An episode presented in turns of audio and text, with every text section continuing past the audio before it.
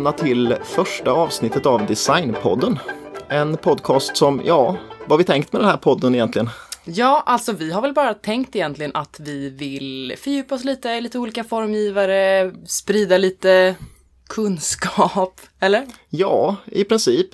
Det finns ju alltid en problem, alltså ett problem när man pratar om design i en podcast är ju att inte ni som lyssnar ser föremålen. Men det blir lite ett designhistoriskt fokus på den.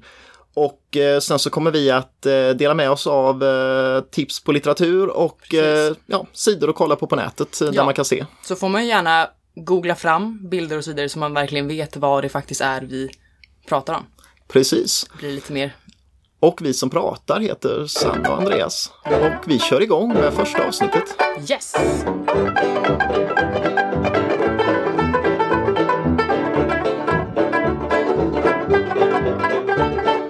Och eh, i första avsnittet då tänkte vi prata om eh, Greta Magnusson Grossman. Och Ja, när jag säger det, vad tänker du på då?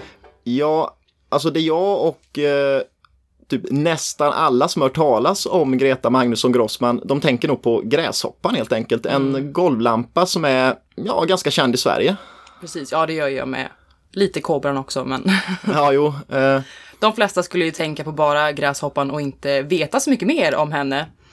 Så då tänkte vi egentligen att vi vill Ja, men man vill, vi vill ju koppla henne, eller att ni ska koppla henne till mer än bara Gräshoppan, för hon var ju så mycket mer än det. ja, precis. Så otroligt mycket mer. Men av olika skäl så är hon ju inte så känd egentligen och eh, hennes livsgärning är inte alls uppskattad så mycket som den borde vara. Precis, och det är det vi tänker. Hon bör bli mer uppskattad. Precis. Så att vi ger oss på att eh, ge en liten bakgrund här va?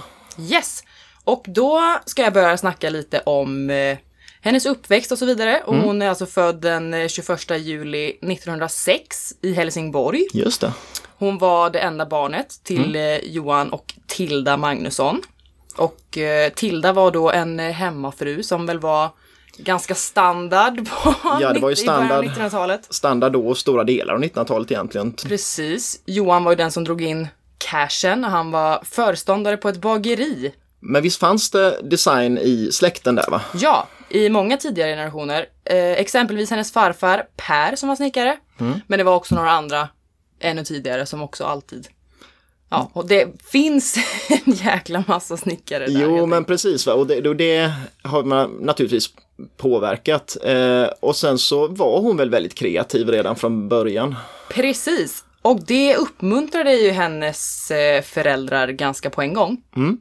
Det fanns ingen högre allmän utbildning för flickor under den tiden. Nej. Som inte handlade om, Ja, men det var väl sånt som var så klassiskt kvinnogöra liksom som man kunde utbilda sig till. ja, om man får säga så ja. Exakt, och det var ju inte hennes grej då. Nej. Så hon fick gå på en eh, privatskola, Mm. Ebba Lundbergs högre läroverk för flickor.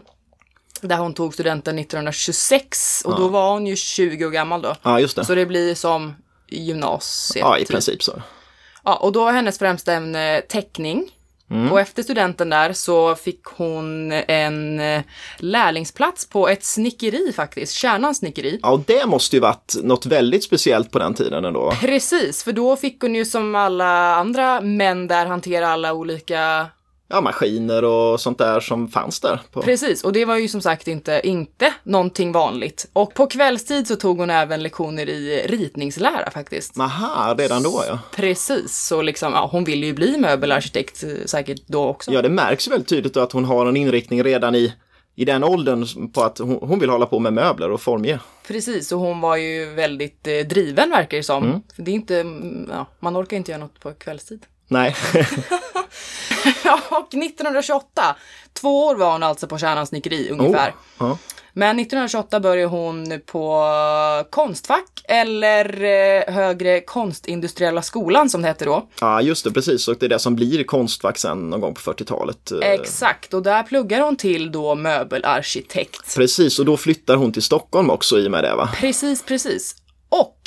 Klassen bestod av sju studenter, vilket ju är eh, fruktansvärt lite kan man tycka, men då var det faktiskt den största kullen på väldigt länge. Oh, Eh, och där eh, pluggade hon till 1931, alltså tre år, och då var hon väl färdig möbelsnickare då antar jag. ja, det måste hon ju varit då. Hon fick efter utbildningen ett eh, resestipendium An- jag vet inte hur man fick det, om hon var ovanligt bra eller om hon Sannolikt bara... va? I alla fall, hon fick det och reste till Frankrike och Tyskland för att studera möbeltillverkning där. Mm. Och när hon kom hem från den här resan så tänkte hon söka jobb på NKs möbelavdelning för det var en väldigt, Ja, det måste ju varit eh, väldigt bra plats att börja på om man vill eh, skapa sig ett namn inom eh, formgivningen Ja överhuvudtaget men i Sverige. precis, det var ju säkert det bland det liksom främsta. Ja, men hur gick det då? Ja, det är ju det. Det, det var då Axelina Hjort som eh, ledde själva, vad säger man, möbelavdelningen. Ja, han var konstnärlig ledaren va? Precis, men hon blev då nekad, eller han sa tydligen att eh, det inte gick för att det inte fanns ett eh, omklädningsrum för kvinnor. Mm, det var ju ganska, ja, Ja, sen om det är sant eller inte, det är väl lite svårt att säga. nej, man men, får väl eh, anta att inte Axel Einar Hjort tyckte det var så lämpligt att en kvinna jobbade med formgivning på NK under den här perioden. Det, Ja, nej, men antagligen inte. Och eh, ja, honom ska vi gå in på Någon annan i gång. ett annat avsnitt. Men antagligen var det så, ja. 1933 dock Mm. gifte hon sig faktiskt med en engelsman. ja, just det. En trummis som hette, hette Billy Grossman. Mm. Hon var då 27 år gammal och han var 35. Mm. Han eh, hade faktiskt också ett barn från tidigare förhållande Mm. och han var skild. Jaha, så att från England då så Yes. borde, yes. Jag tror att den var eh, spädbarn faktiskt när Ah. de skilde sig och när han började Men han till Sverige. spelade i Sverige då när de Exakt! träffades? Och vad hette bandet? Ja. ja, vad hette bandet? Eh, Skriv upp det. nej, det har, jag vet inte vad bandet hette. var- De kallades ju Billy Grossmans orkester sen när han tog Ja, över. de hette något annat i alla Ja. fall när han började. Men han Absolut. hade varit i Sverige i något år faktiskt innan han träffade henne. Ja. Så det var inte därför han skilde sig, men ja, ändå. För att, eh, ja men precis. Det, nåväl, vi går vidare.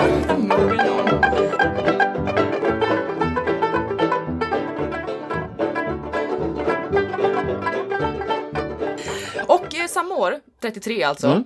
fick hon eh, andra pris på Hantverksföreningens möbeltävling. Åh, Och det blev ju enormt uppmärksammat i pressen då hon som första kvinna någonsin vann någonting via det där. via Hantverksföreningen. Ja, just det. Och då måste hon ju ha verkligen ja, lyckats med, eh, ja, Också 33 faktiskt. Det, det, då hände det mycket Ja, kan okej. jag säga i Grossmans liv. Så startade hon butiken Studio. ja just det, den låg vid Stureplan va? Sturegatan 12 närmare bestämt. Ja, Det, hon var den första kvinnliga möbelarkitekten som startade en butik i Sverige. Mm. Men hon var ju inte den första kvinnan överlag som startade en butik inom designyrket. utan. Det var ju Estrid Eriksson. ja på Svenskt Tenn ja, precis. Ja, och det var ju 1925. Så hon var ju några år eh, Före där, före. Men, i alla fall första kvinnliga möbelarkitekten som startade en en studio butik. på det, ja precis. Och Studie var då en eh, så kallad funkisbutik i, Ja. i alla medier och så, så blev den kallad funkisbutik. Och utbudet var stoppade möbler i olika träslag som alm, björk och jacaranda och ja, det, det var ju möbler då. Hon hade inte börjat ordentligt med belysningen. Nej, inte på, nej. Och eh, jag tänkte ta en lite snabbis bara om funkis i sig Ja. för, ja, om man inte riktigt vet vad, vad det innebär.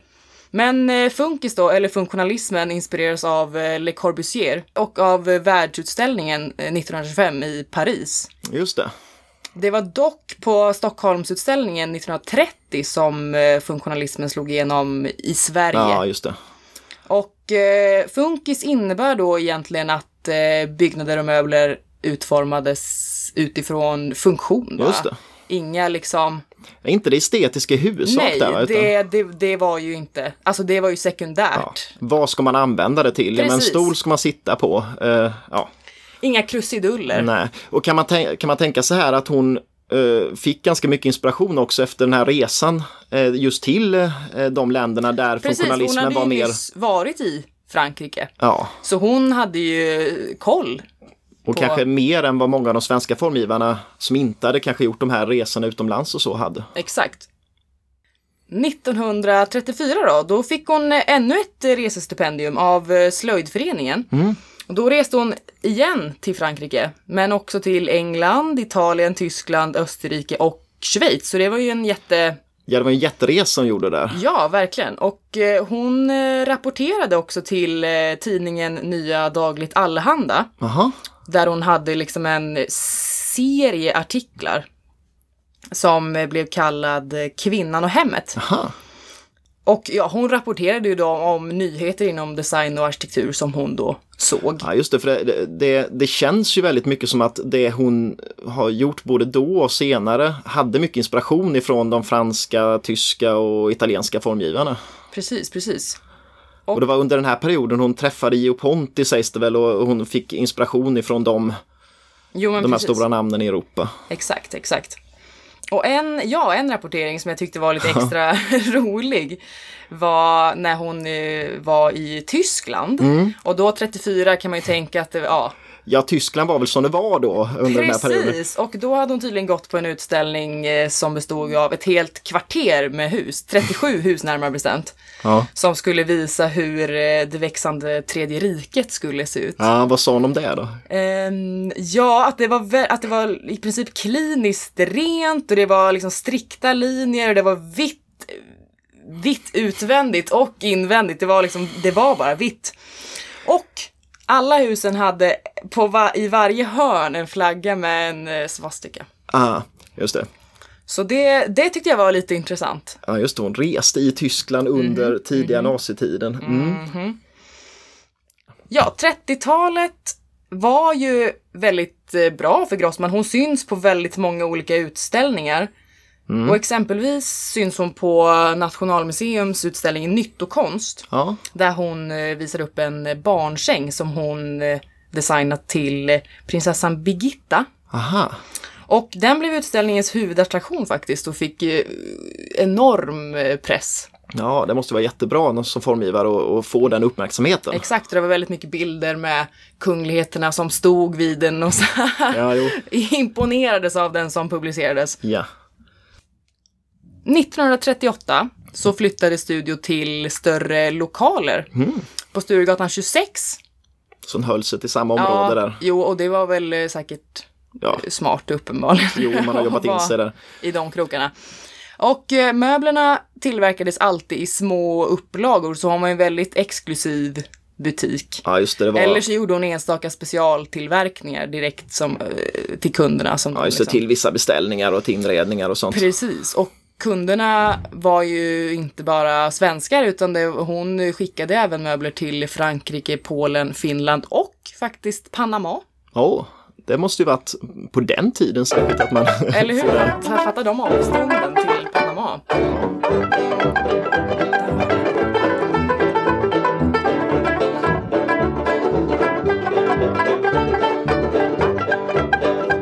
Men det känns ju lite som att just andra världskriget är någonting, ett litet spöke som finns med hela tiden i historien om, Ja, om henne.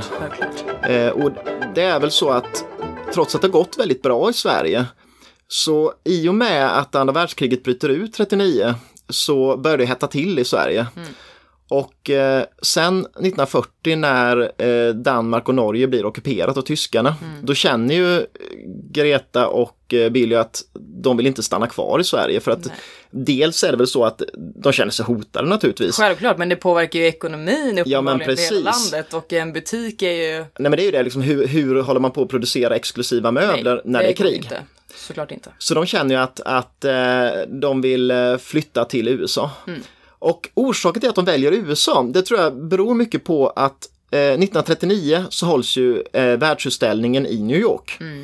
Och den här världsutställningen den hade ju sitt fokus mycket kring industridesign som fick, alltså det var första gången industridesign kanske lyftes upp verkligen som ett, ett eget område. Och funktionalismen blev ju extremt uppmärksammad. Ja. Och ett stort namn på världsutställningen var ju Raymond eh, Loewy som eh, han, han har ju ritat ett fantastiskt art deco eh, funkislok som ser ut som ett rymdskepp i Asså? princip. Och sen annars är han väl mest känd för, eller liksom det han har gjort som har blivit mest känt är väl kanske loggan för bensinbolaget Shell och sen så har han gjort Asså, även eh, Den vi har idag? Ja, och sen så har han även gjort eh, Lucky Strike-loggan på cigaretterna. Så att, oh, like men, men, men han ritade ju mycket just där futuristiskt, funktionalistiskt. Ja. Eh, eh, och Sverige hängde ju på där och Sverige hade en paviljong som blev väldigt uppmärksammad. Och Sven Markelius var eh, arkitekten bakom den svenska paviljongen. Och Markelius är ju kanske ett av de största namnen i Sverige under den perioden. Ja, ja. Eh, och eh, paviljongen var, det var en trädgård eh, och sen så var det hus kring den. Och många av de stora svenska formgivarna ställde ut där. Vilka var det då? Ja, Josef Frank bland annat och man hade den här svenska, den, den svenska, det var inte bara egentligen den svenska formen utan man ställde ut också hela det svenska konceptet. Mm. För på något sätt var det folkhemmet man, man eh, marknadsförde i och med Just den här det, utställningen. Ja, det svenskt. Jag såg en dalahäst var på en bild. där. Exakt, det var första gången dalahästen egentligen lyftes för att innan dess så hade dalahästen varit stor i Dalarna Ja, och jo. no more. Eh, men eh, där blev dalahästen symbol för Sverige. Ja, exakt. Och man hade är även, det nu än idag? Ja, absolut. Och man hade en stor bild på eh, Per Albin Hansson då som eh, så här uppsatt. Och, eh, och eh, Sverige blev ju uppmärksammat som formgivningsland Mm. Precis. och föredöme på något sätt. Och det ville väl egentligen Greta Grossman och, och, och Billy de ville rida vidare på den trenden. Ja, Så de ville, till, smart. och de ville till New York. Men hur gör man då 1940 när man ska till USA? Man eh, åker båt. Ja, precis. Det är ju lite kris där, va? för att man kan ju inte bara flyga över Atlanten. nej, nej. Och man kan inte ta en båt över Atlanten heller, för då blir man torpederad Ja, man av är eh, tyska ubåtar, vilket i inte är så trevligt. Ja. Så att eh, de åkte faktiskt över Sovjet. ja, Så de flög och åkte tåg Mm. eh, och tog sig fram till Japan som fortfarande då inte var i krig med USA. Eh, Så att eh, de hoppade på en båt i Japan och åkte båt över till eh, Los Angeles. Och de hamnade ju på, på den amerikanska västkusten. Mm. Och det var ju inte dit de egentligen ville, för de ville ju till New York ju. ja. Men där spelar ödet in lite kanske.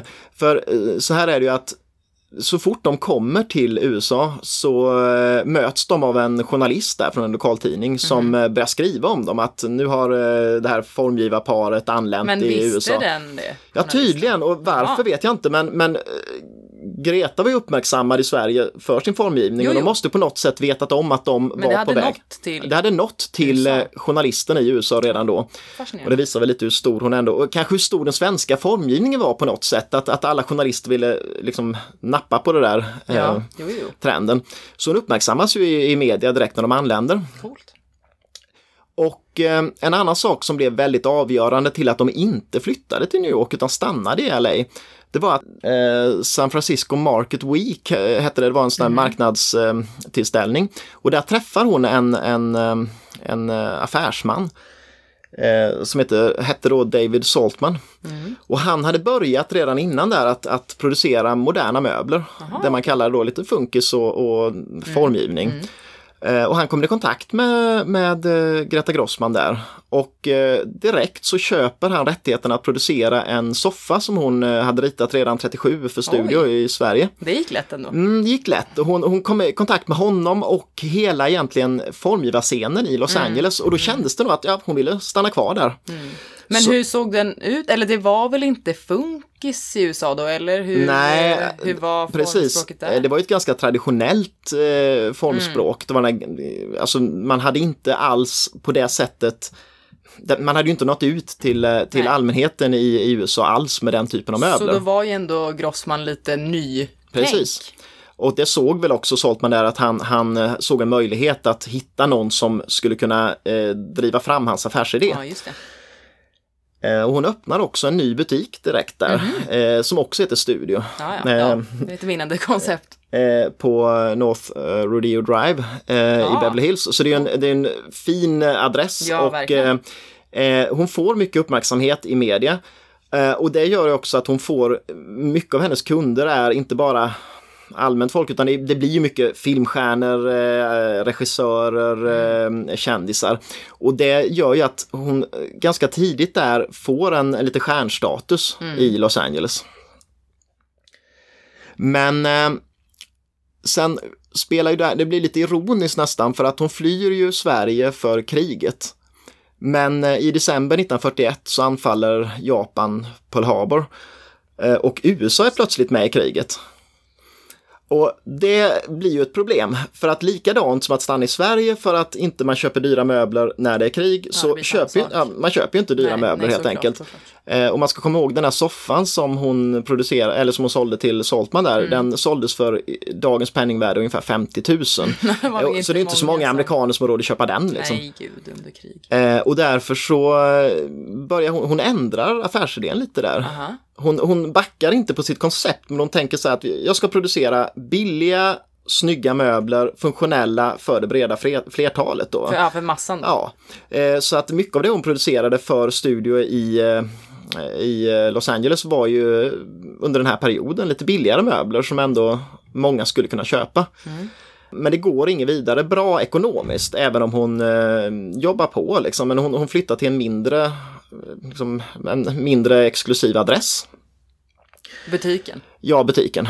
Ehm, och eh, man kan väl säga att, att ehm, hon får nog beta på så under, tills kriget är slut. Ja. Men sen kommer ju, på. men 45 så, så är ju kriget slut och eh, många amerikanska veteraner och militärer är tillbaks i USA igen. Många har fått möjlighet att köpa hus i och med GI Bill eh, kallar man det, man fick eh, via militärtjänsten så fick man möjlighet att ta billiga lån eh. Mhm, som soldat eh, och det gjorde att man kunde köpa hus och man Mm. kunde starta med verksamhet och sånt. Och det gjorde att, mm, att det fanns plötsligt en stor marknad för ja, möbler. Och dessutom, krig är ju dåligt naturligtvis, men det har en positiv grej och det är att ofta så eh, går den tekniska utvecklingen väldigt snabbt framåt Ja, under krigstider. Eh, så att mycket nya material kom fram, som laminat och, och eh, så vidare. Va? Ja, eh, böjträ var också någonting som man jobbade med under kriget. Då. Och det gjorde att man kunde börja eh, göra möbler med de materialen. Och, och 1947 så händer någonting som verkligen gör att Greta Grossman får ett genomslag i USA. Jaha, vad är det? Och det är att, att Barker Brothers var ett eh, stort möbelvaruhus i Los Angeles och vid den tiden så var det världens största Oj. butik för möbler. Ja, Och hela fjärde våningen fick eh, Greta Grossman inreda. Och hon blev dessutom anställd som deras, eh, deras eh, arkitekt eh, internt i företaget. Och det sägs att första dagen så kom det 6000 personer och besökte den våningsplanet för att titta på hennes möbler. Men jag är förvånad över hur väl hon lyckas hela tiden. ja, hon har satt klockrent och, kommer, och tajmar allting väldigt Ja, rätt. just det. Det måste hänga mycket på tajmingen. Och det är nu hon ritar gräshoppan. Ja, okej, Eh, ja. Så att för Barker Brothers eh, och producerad av Ralph O. Smith som är en lokal firma där. Mm. Och eh, hon eh, fortsätter ju för Barker Brothers eh, och eh, producerar mycket möbler där Mm. under den här perioden.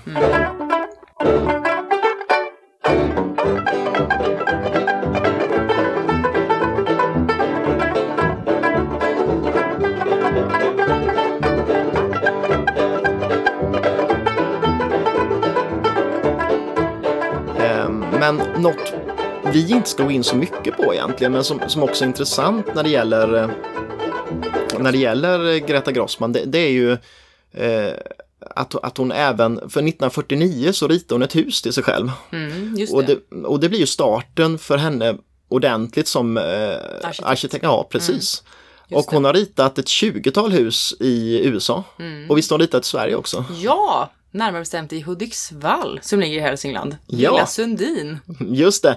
Eh, och ehm, det är det enda huset utanför USA. Ja, och det är ju helt bevarat. Mm. Som det var då, 58. 59. Jo, precis. Eh, Och, och grejen är att hon, hon, eh, det är lite intressant ändå för att hon, dels så ger hon sig på att rita hus som ska stå på extremt dåliga tomter. Mm, just det, svår terräng. Svår terräng, det, det är gärna en topp i mitten och sen så låter hon huset följa marken åt ena hållet och åt andra hållet så, så hänger den över med, med stora pelare ner mot vattnet och så vidare. Det måste ju ändå varit väldigt nytänk. Eller Mm. hela hennes sätt att se hinder som någonting Positivt som hon sätt. gör en grej av. Exakt. Det är jävligt coolt. Eh, och det är ju jätteintressant för hon, har, hon har varit det varit svårt att slå sig fram som formgivare som kvinna. Ja. Men hon gör något positivt av det genom att Precis. hon ska verkligen visa att det går. Och lite på samma sätt så när hon, hon ritar hus så hon ska bygga på de här oländiga terrängerna. Och sen ska man också komma ihåg att idag är ju exakt den typen av formgivning eh, populärt när man bygger. Det ska vara öppna planlösningar, Ja. stora glaspartier och eh, det känns ju modernt. Det Ja, känns eh, herregud. 2000-tal i allra högsta grad. Ljusöppna planlösningar, det är ju it Ja men precis. still. Eh, men sen så 1952, om man går vidare på möbelformgivningen, så ritar hon sin i möbelväg kanske mest uppmärksammade, uppskattade möbelserie som kallas 62 Series. Eh, okej. Och eh, den ritade hon för eh, en firma som hette eh, Glen of California. Ja, men varför heter den 62? Jo, eh, för att eh, ägaren av eh, Glen of California tyckte att den var tio år för sin tid. så att därför så eh, är kallades den kaxigt. 62. Ja, det. Ehm, och det var mycket bord.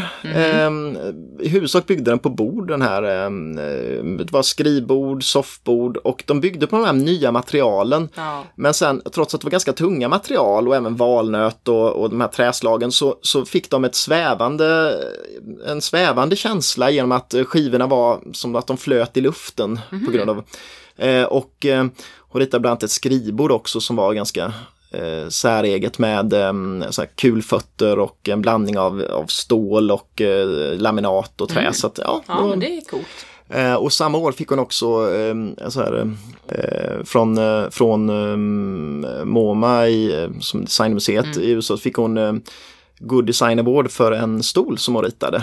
Eh, och den är också så här, den kallas ofta, ofta Award Winning Share. Eh, Och det är också så här som fick väldigt stor upp, uppmärksamhet för. Ja, hela tiden verkar det som. Precis.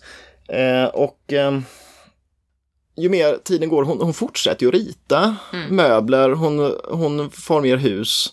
Eh, men eh, hon kan nog inte helt och hållet leva på det här sen när, när 50-talet går liksom mot sitt slut där, utan 57 börjar hon undervisa möbelformgivning på eh, UCLA som Ja. är eh, University of California, Los Yes. Angeles. Eh, och det är ett anrikt universitet. Ja, och det gör hon mellan 57 till, ehm, till 63. Jaha, ja. Eh, och tydligen så gillade hon aldrig att undervisa. Så att, hon har sagt det till vänner att hon, hon gillar inte alls det där. Men det måste hon ju uppenbart ha gjort det För pengar. först och främst för pengar och möjligen också för att driva vidare hennes idéer om formgivning Ja, till nya just det. generationer. Det, det lär jag ha spelat in. Självklart. Eh, men eh, 1966 så drar hon sig tillbaka från, ja, från eh, yrkeslivet. Jaså? Eh, Vad gammal? 66 då? Jag är nu ändå bara 60. ja, Nej, va? Det Nej. blir det inte. Jo, 60 va? ja, 60 typ. Och hon, hon, hon slutar eh, jobba, flyttar till San Diego, eh, ritar ett hus där som hon bor i eh, tillsammans med Billy. Eh, Hon målar tydligen mycket. Och, Inga eh, barn? Inga barn. Billy dör 79. Och man vet inte så mycket om hennes liv efter det. Nej. Och det är nog därför mycket hon har fallit i glömska givetvis eftersom hon, det finns ingen släkt, det finns inga, det finns ingen som kan förvalta hennes arv riktigt på det Nej. sättet. Nej, precis. Och när dör hon sen? Hon dör 99. 99. Yes. Och ehm, ja, Ja, det var ju hennes eh, liv lite kort då som vi...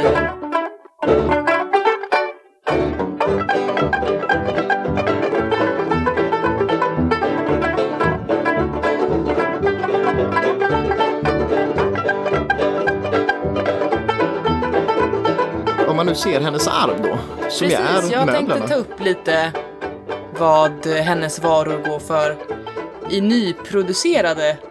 För att visst säljs eh, en del som eh, i möbelbutikerna fortfarande idag. Ja, det är ju dock inte speciellt mycket. Nej, När jag har letat runt så har jag hittat, ja det är ju gräshoppan uppenbarligen är ju, producer- Poppis. Ja, och den och säljs av, kobran. och de produceras av, eh, Ja, av danska Gubi. Mm. Och det är ju lite olika, men det fanns ungefär fem, sex grejer tror jag bara som nyproduceras idag. Ja. Och det är ju bara en bråkdel av det hon verkligen ja designade. absolut. Men det är ju då gräshoppan. Som eh, nyproducerad kostar eh, 6995 i golvversion. Mm. Och som bordslampa 4195. Så det är ju, ja, det är ju rimliga Rimliga priser ändå. priser ja. Sen har vi kobran då som en annan lampa. Mm. Där, eh, ja men lampan ser ut som en kobras huvud. Mm, precis, och en sån ledad hals som går upp som Precis. en orm nästan. Och där kostar golvversionen eh, 5995. Så Ja. det är en tusenlapp billigare. Ja. Och 3895 som eh, bordslampa. Också typ en tusing Mm. Billigare. ja. Sen var det ju då den där 62-serien som du pratade lite om. Ja. För den produceras än idag, vilket ju ändå bevisar att den uppenbarligen var mer än bara 10 år före sin Jo, tid. exakt. Den var 50 år före Ja. sin tid. För den funkar ju än idag. Och vid skrivbordet finns bland annat. Skrivbordet ja, och det kostar ju en slant. 27 895 kronor. Yes. Och då är det av eh, valnöt, stål och laminat. Mm. Sen har vi även ett eh, sideboard som jag hittade där. Mm. Som går för 33 395 kronor. Just det. Också samma material. Mm. Men det var i princip de grejerna jag hittade där som nyproducerade. Och om man ser på de, alltså för, för nyproducerat, det är ju en sak, men sen om man kollar då på de genuina grejerna från tiden. Precis, från tiden är det ju en helt annan eh, prisbild. Ja, och där finns det ju lite, det som är bisarrt i det hela är att den möbel eller det föremål som finns mest av i hela världen är de svenska gräshopporna. Eh, de ritades ju för Bergbons och Bergbom, eller liksom, Bergbons gjorde en licenstillverkning och eh, Bergbons var ju ändå ett ganska stort företag Ja, ja. och kunde göra en stor serie med eh, lampor. Mm, mm. Eh, på auktion dyker de ju upp ganska ofta ändå Ja, ja. och kostar i sämsta fall en 20 000 och i bästa fall vad? Hur kan... Ja, jag hittade ju en notering på 47 exempelvis. Var någon ännu högre? Mm. Ja, det har väl varit va? uppåt, uppåt 60 Ja, någon visst var gång. det någon Så. vi hittade runt 60 också. Eh, men, men de är inte så extremt ovanliga ändå, de svenska lamporna. Men eh, det man ska komma ihåg är att när man ser till den amerikanska tillverkningen, Mm. Eh, Glenn of California som tillverkade möblerna, vet du hur många som jobbade för Glenn of California? Nej, ingen aning. Mindre än 10 personer totalt Oj, sett. Mm. Och ännu mer intressant, eh, eh, Ralph O. Smith som har tillverkat alla lamporna i USA. Mm. Vet du hur många som jobbade där? Nope. Två personer. eh, och det visar ju på att det är extremt små företag och Oh jättesmå upplagor. Oj. Eh, och det är väl därför också de Ja. amerikanska lamporna till exempel kostar betydligt mer. Mm. Vad har vi där? Vi har, eh, Ja, just en, vad sa vi om... vi hade någon golvlampa som har de här Mm. Ja, gräshoppan-skärmarna. Ja, men precis. Men inte en gräshoppa, utan två skärmar från gräshoppan, men ändå en eh, vanlig... eh, en vanlig fot. Bara ner. precis, och inte den med tre ben. Just det. Då hittade jag alltså en som gick för 400 000 spänn. Just det. Jag hade en värdering på 70 till 90 000. Mm. Så det var ju aningen högre om man säger så. Precis. Och med provisioner och allting som ingår när man handlar på auktion så blev det 500 000 ungefär. Ja, så en halv miljon. En halv miljon ja. för en lampa. Och det är väl den högsta noteringen på lampa av eh, Greta Grossman. Den högsta som vi har hittat då, ja. Och sen om man tänker om man vill köpa möbler av Greta Grossman, det är Mm. svårt i Sverige för att all den amerikanska produktionen den produceras ju små serier av de här företagen som inte hade med några anställda och de finns ju bara i USA de här möblerna Ja, och egentligen. möblerna hon gjorde på studio i, i Stockholm var ju också bara små, väldigt små Små serier. serier Mm. eller specialtillverkningar. Så det är ju väldigt svårt att få tag i. Man kan väl säga att den billigaste, eller den som verkar finnas mest av, det är ett glasbord Mm. med en härdad glasskiva rund och sen så en kryssställning i trä. Ja, ja just det. dyker upp ibland och eh, kostar ofta under 10 000 ändå på auktion. Så att det är en ganska är ju rimlig. inte mycket. Nej.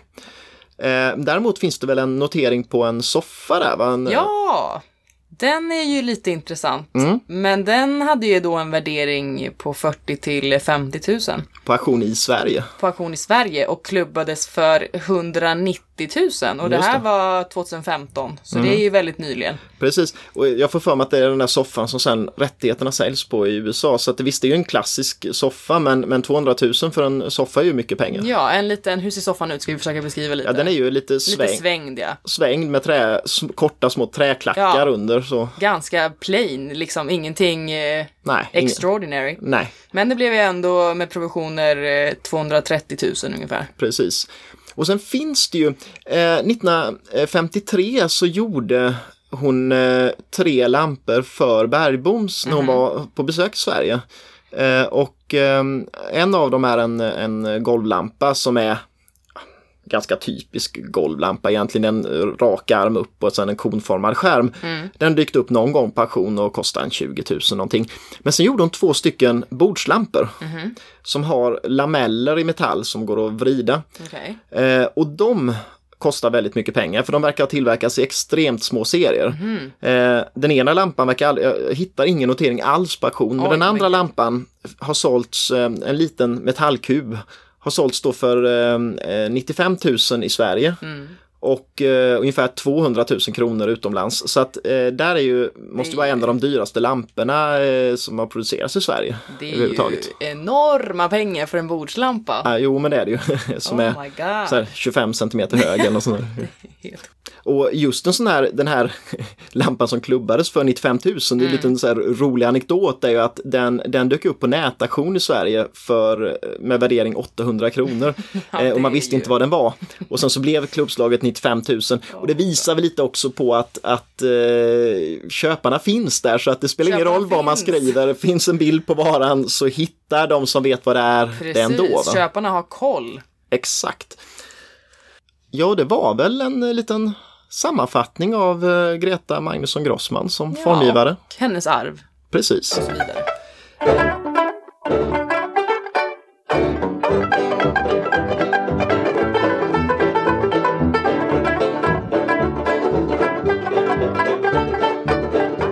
Vi har tänkt att i varje avsnitt ha en liten, eh, ett, ett återkommande inslag, om man säger, Eh, en, en lista med någonting som eh, hör formgivning till. Mm. Och eh, det är jag som kommer köra listan idag. Japp. Och den kommer att handla om eh, missuppfattningar inom eh, designhistorien. Ja, men det låter Eh, och vi kör en kort lista, tre platser. Ja, Och plats nummer tre, yes. det är plats nummer tre har eh, Anders Persson och eh, Bumlingen. Okej. Bumlingen är ju en, eh, kanske Sveriges mest kända lampa ändå. Liksom Ja, alla, det kan man nog påstå. väldigt många har haft den, Ja. alla har sett den. Ja. Och alla vet att Anders Persson ritade den för Ateljé Lyktan 1968. Väldigt många vet det. Eller är det så? Nej, jag skulle inte veta att det var 68, det hade jag inte kunnat sagt. Eller är det Anders Persson en som har ritat den? Ja, det, det vet jag inte. You tell me. Yes, för problemet där är att Anders Persson har inte ritat Bumlingen. Inte? Nej. Den tidigare ägaren av Ateljé Lyktan, eh, Hans Bergström, han eh, 1958, tio år tidigare, så stod han vid en av sina lampor och kikade upp i taket och såg en takkåpa på den. Så tänkte han att jäklar den där formen är rätt bra, den skulle man kunna göra något av. Så han tog formen från den och gjorde en ljuslykta som han kallade Ofir. Okej. Eh, och eh, ljuslyktans fot har en exakt form av bumlingen.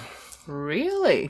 Och det ligger ganska nära till hands att tro att eh, Anders Persson kikade i arkiven på företaget som han hade köpt eh, och hittade Hans Bergströms form och gjorde en taklampa. Ja, det låter ganska troligt. Ja. Så man får väl, ja, om man ska vara snäll så kan man väl säga att Anders Persson och Hans Bergström ritade Bumlingen och ingenting annat. ja, men det var ju ändå en liten chocker. Ja.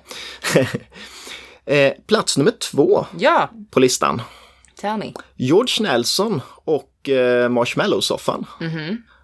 Eh, Marshmallow-soffan är någonting som många ändå har sett. Det är den här lite futuristiska amerikanska soffan. Och George Nelson, han har ju även ritat... Men hur ser eh, den ut? Ja, men det är, det är som runda kuddar som sitter Ja, på en metall... stycken, ja. ja. som sitter på en meta- metallstomme. Mm, just det. Och uh, George Nelson har även ritat Mm. många fina eh, vägg och bordsklockor. Eller har han det? Så jävla lurig, jag vet inte. Nej, för, för ehm, det har han inte. Nähä? Okej. Utan ehm, eh, han som eh, har ritat både Marshmallow-soffan och de här klassiska väggklockorna med bollar och atomtema Mm. heter Irvin Harper. Och vem är han då? Han jobbade för eh, George Nelson på George Nelsons eh, byrå. Ja, han hade en egen. Eh, han hade en egen byrå, George Nelson. Ah, ja. Han, han, han ehm, hade ju då anställda och eh, ja, Harper han, han tog fram de här modellerna. Och George tar- Nelson tyckte de var bra och sen så står det George Nelson som formgivare. ja. Men George Nelson har inte dragit minsta penseldrag på ritningarna på Oj, de här. oj, oj. Och vi går vidare till plats nummer ett på Ja. missuppfattningar. Och där kommer vi då till eh, Stig Lindberg som är en, ja, en väldigt stor formgivare inom porslin bland annat i Sverige. Ja, och han kommer vi säkert ta upp i ett avsnitt. Det lär vi nog göra. Yes. kan vi nog lova. eh, och eh, Stig Lindberg är ju kanske egentligen mest känd för servisen Berså. Yes. Många har haft den och Och eh, alla har nog sett de här eh, gröna löven på eh, Ja, oh ja. kaffekoppar och på tallrikar och så vidare. Och det är ju en, ja, en riktigt bra servis av Stig Lindberg, eller? Ja, you tell me. Eh, nej, eh, det är helt enkelt så att Stig Lindberg har inte ritat Berså. Utan Berså som servis ritades av eh, Christer Karlmark. Okej, och vem var han? Eh, han var knuten till Gustavsberg och jobbade under Stig Lindberg. Och man fick i uppdrag att ta fram ett antal eh, mönster till eh, porslinet. Mhm. Och Christer målade den här, ritade upp Löv. mönstret eh, Berså. Mm.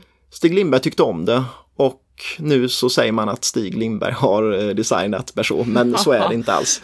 Det är Eh, fult alltså. Det är fult men sannolikt, det hänger ihop med att den som var konstnärlig ledare fick ta åt sig äran för de mönster och de möbler man tog fram. Precis, det blir lite det här eh, manliga geniet Precis. syndromet. Exakt och det på något sätt, jag tycker det är intressant ändå att man lyfter de här Ja, personerna. men som, som, men har du ritat Sveriges mest kända eh, porslin, Ja, du ska det tusan få cred för det också. Ja, vad fan. Så att, eh, ja. Go, Long well live eh, Christer Karlmark. Just det, Christer. Yes, You go. ja. Ja, och det var allt vi hade för idag. Det var det. Men det här med listan, det kan ju handla om vad som helst. Precis. Vi vill ju bara, det här var liksom bara... Det här var ju en liten, eh, Ja. nu ska vi dissa någonting, men, men nu är det bra att Precis, vi kan lyfta lite lite, trevliga möbler och vi Precis, kan de eh, kommer inte alltid bli dissande. Nej, Men jag gillar det. ja. Nej men vi, vi kör på och eh, nästa vecka kommer det handla om en, ett stort namn i svensk formgivning. Va? Yes, it will. Någon som har stannat i Sverige också. Precis, och det blir lite intressant. Exakt, Det blir svenskt rakt igenom. precis. Så att, eh, ja, häng på då också. Yes, det hoppas jag. Och under tiden, följ oss gärna på Instagram. Vi heter Designpodden. Yes. Och eh, skicka mejl gärna till oss också. man också göra. Designpodden at gmail.com. Yes, får man gärna skriva om man har något litet önskemål för ett avsnitt. Ja, absolut. Eller om Eller man. Vad heter det? synpunkter på någonting. Synpunkter, ja. Exakt. Eller eh, faktafel som man har hittat Ja, någonstans. det under. kan ju finnas. Ja. Det Yes.